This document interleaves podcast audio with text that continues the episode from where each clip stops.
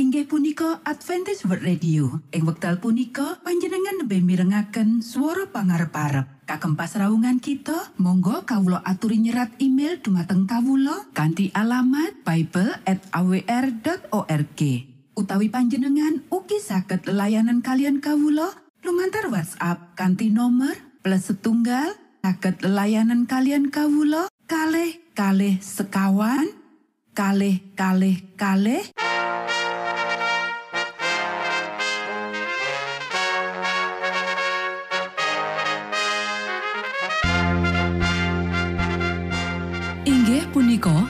Adventist World Radio ingkang giaran kanti basa Jawi.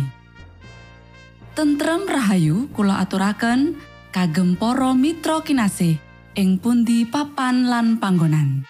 Sugeng pepanggian malih kalian Adventist World Radio.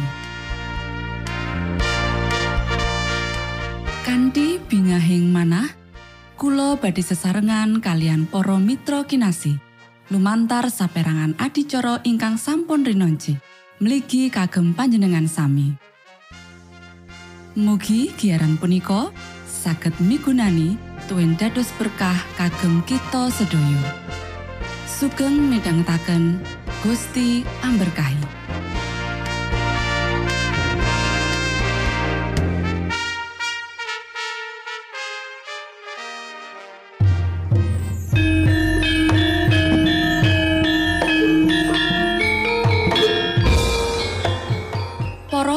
Pamirsa kinasih ing Gusti Yesus Kristus.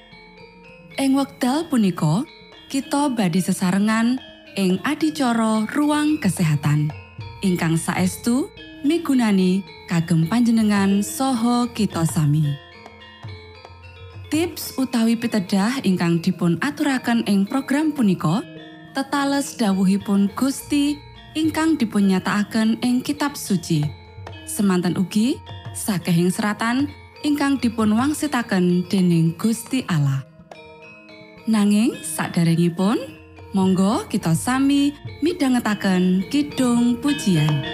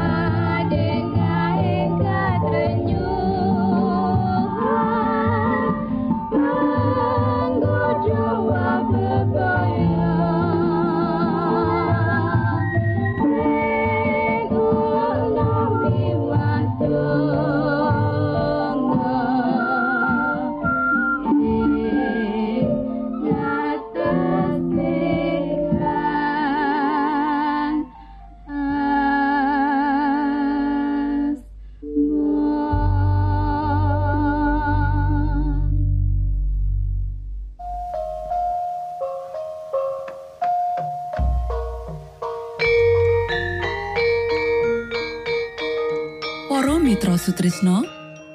Puji syukur dumateng Gusti ingkang murbeng dumati ingkang sampun kepareng paring wewenngan kagem kita. Satemah saged nglajengaken ruang kesehatan. Pirembakan kita semangke kanthi irah-irahan. Ilmu kasarasan ing kalangan bangsa Israel.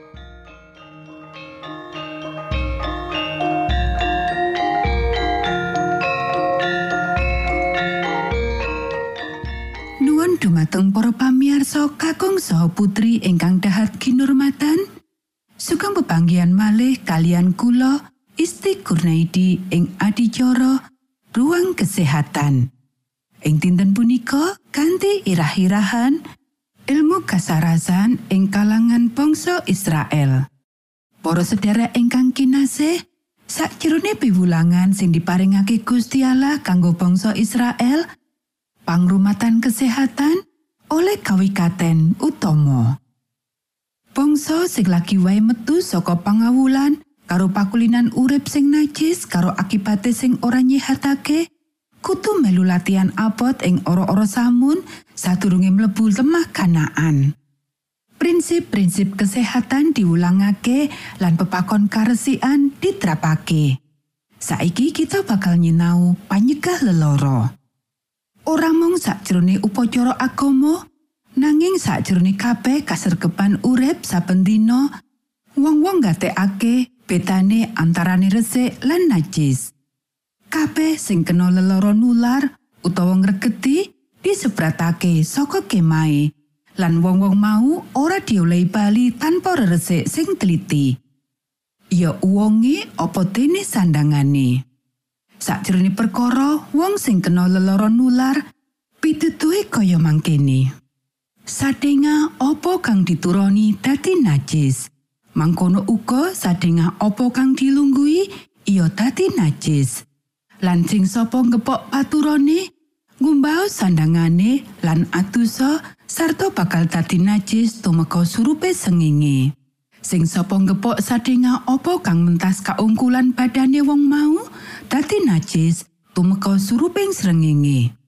Dene wong kang ngusung iku ngumbau sandangane lan atusa sarta bakal dadi najis tumeka suruping srengenge. Karo dene saben wong kang ditemek dening wong kang mangkono iku ora nganggo wisuh tangane dhisik iku iya ngumbau sandangane lan atusa sarta bakal dadi najis tumeka suruping sengenge. Wadah grabah kang kakepok dening wong kang mangkono iku karemuo. Nanging yen wadah kayu, kaisa ono. Pepakon sing nyangkut wong sing duweni loro kusta uga nggambarake katelitian kanggo peraturan iki ing ngendi kudu dilakoni. Salawase nandang memolo iku tetepo najise. Sarehne najis mulane pamanggone kapisao. Prenahe ana ing sajabane balerepan. Menawa ana sandangan kang ana tondo-tondone memolo saraat, dadi sandangan wol utawa leno, dadi tenunan utawa anaman lawe, dadi lulang utawa sadingao dandanan lulang, menawa tondo-tondo kang tumunung ing barang-barang mau katon semu abang, iku memolo saraat perlu dipriksakake marang imam. Menawa tondo-tondo mau wis meremen ana ing sandangan utawa tenunan ing anaman utawa ing lulang. Iya ing sadinga apa wae kang bakal lulang iku saraat kang kanes banget lan iku najis. Sandangan kang ana tanda-tandane mangkono iku kaopungo awit iku saraat kang kanes banget. Barang-barang mau kutu kaopong nganti entek. Mangkono uga sawijining omah yen nyoto kahanane ora aman kanggo dipanggoni kudu dimusnahake. Karo imam omah kuwi kudu dirombak. Ya kuwi watune kayune lan kabeh lepo omah kuwi.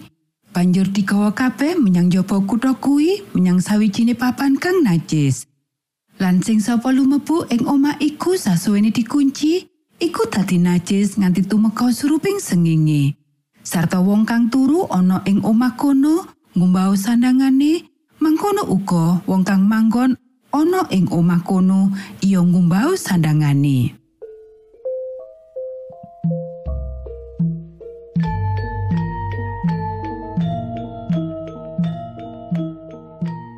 cekap semanten pimbakan ruang kesehatan ing episode dinten punika. Ugi sampun kuatos jalanan kita badhe pinanggih malih ing episode sak lajengipun.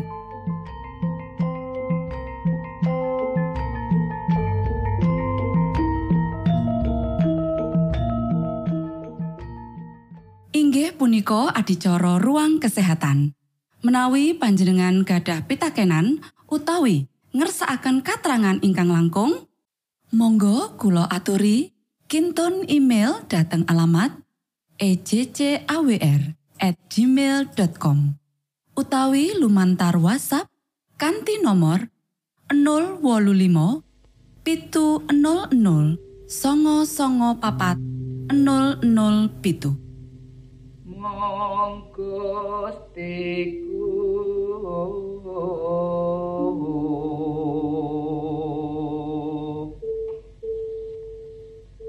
Yesus Kristus kansa tuhu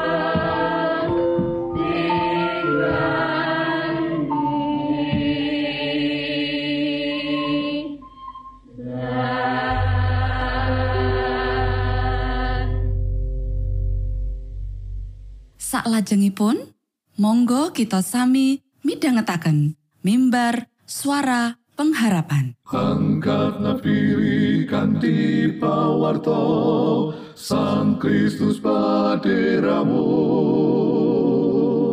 Pro umat samyo puji asmanyo Sang Kristus paderamu Inggih punika mimbar suara pengharapan.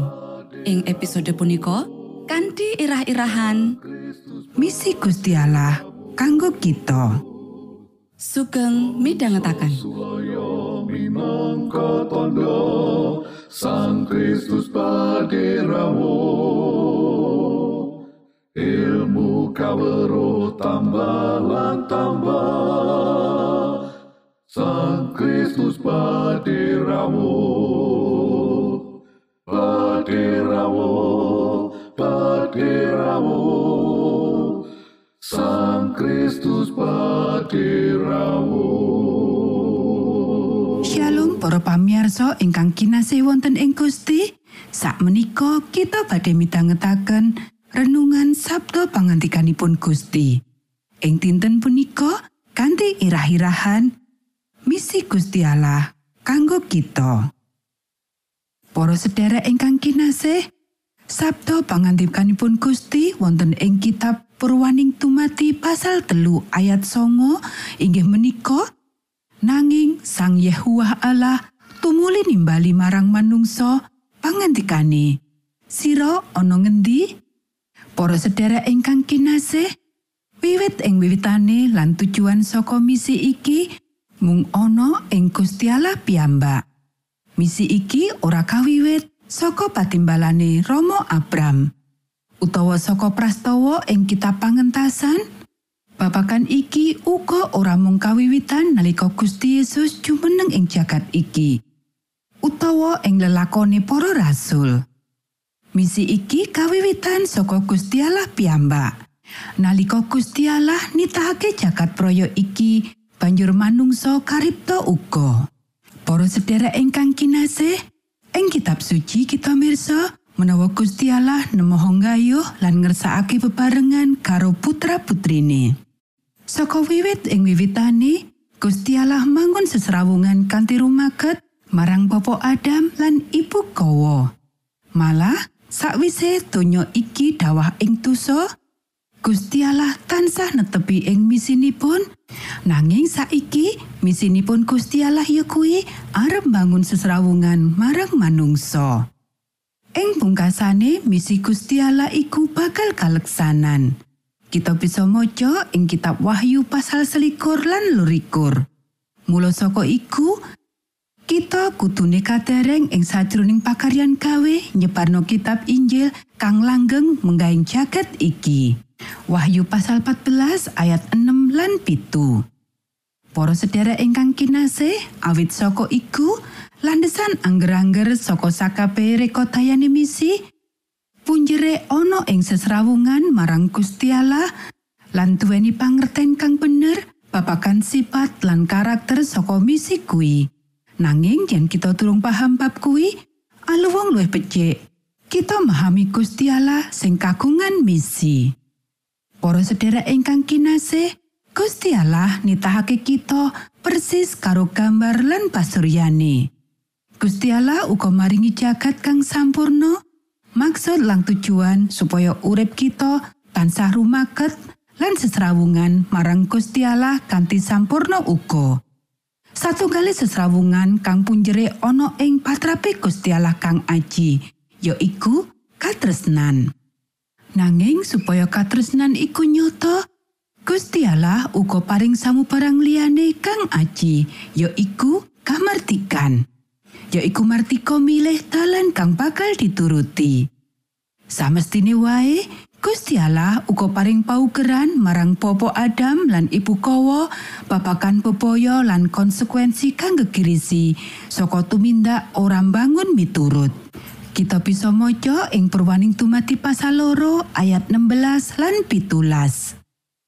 Banjur kanthi culik, iblis nggodha ibu kawa menawa piyambake bisa nedha woh saka wit pangrauhing becik lan ala tanpa akibat kang olo. Malah iblis ujar menawa piyambake bakal padha kaya Gusti Allah. Samangsa sampeyan nedhawahipun wit punika, sampeyan badhe kaparingan awasing paningal temah dados sami kalian Gusti Allah. Purwaning tumati pasal telu ayat 5. Nanging eman banget, ibu kowo kabijo lan nuruti karepe iblis. Banjur nyaosake marang Popo Adam kang sanyata gawe pilihan kang padha. Tumitah kang endah lan sampurno iki saiki wis rusak merga dosa. Prastawa iki wis nguwahi rancangan lan kersane Gusti Allah kang wiwitan kanggo jagat praya kang nembe dititahake iki. Misi keselamatan kang ditetepake sadurunge jagat katitahake saiki kudu dilakoni. Matur nuwun, Gusti amberkahi.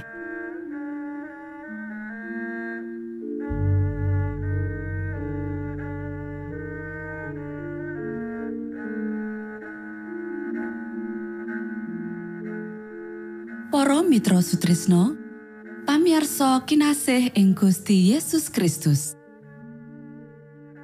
Sampun paripurno pasamuan kita ing dinten punika.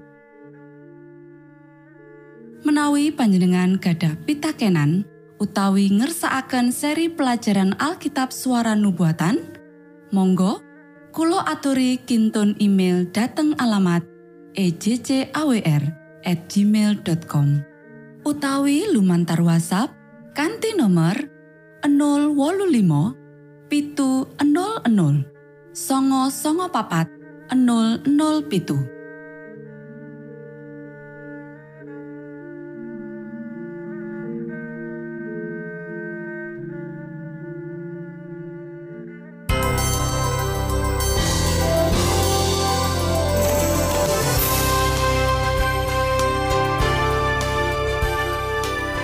Matur nuwun kagem wektalipun. Kita badhe pinanggih malih ing gelombang ugi wekdal ingkang sami. Saking studio kula ngaturaken tentrem rahayu. Gusti amberkahi kita sedaya. Maranatha.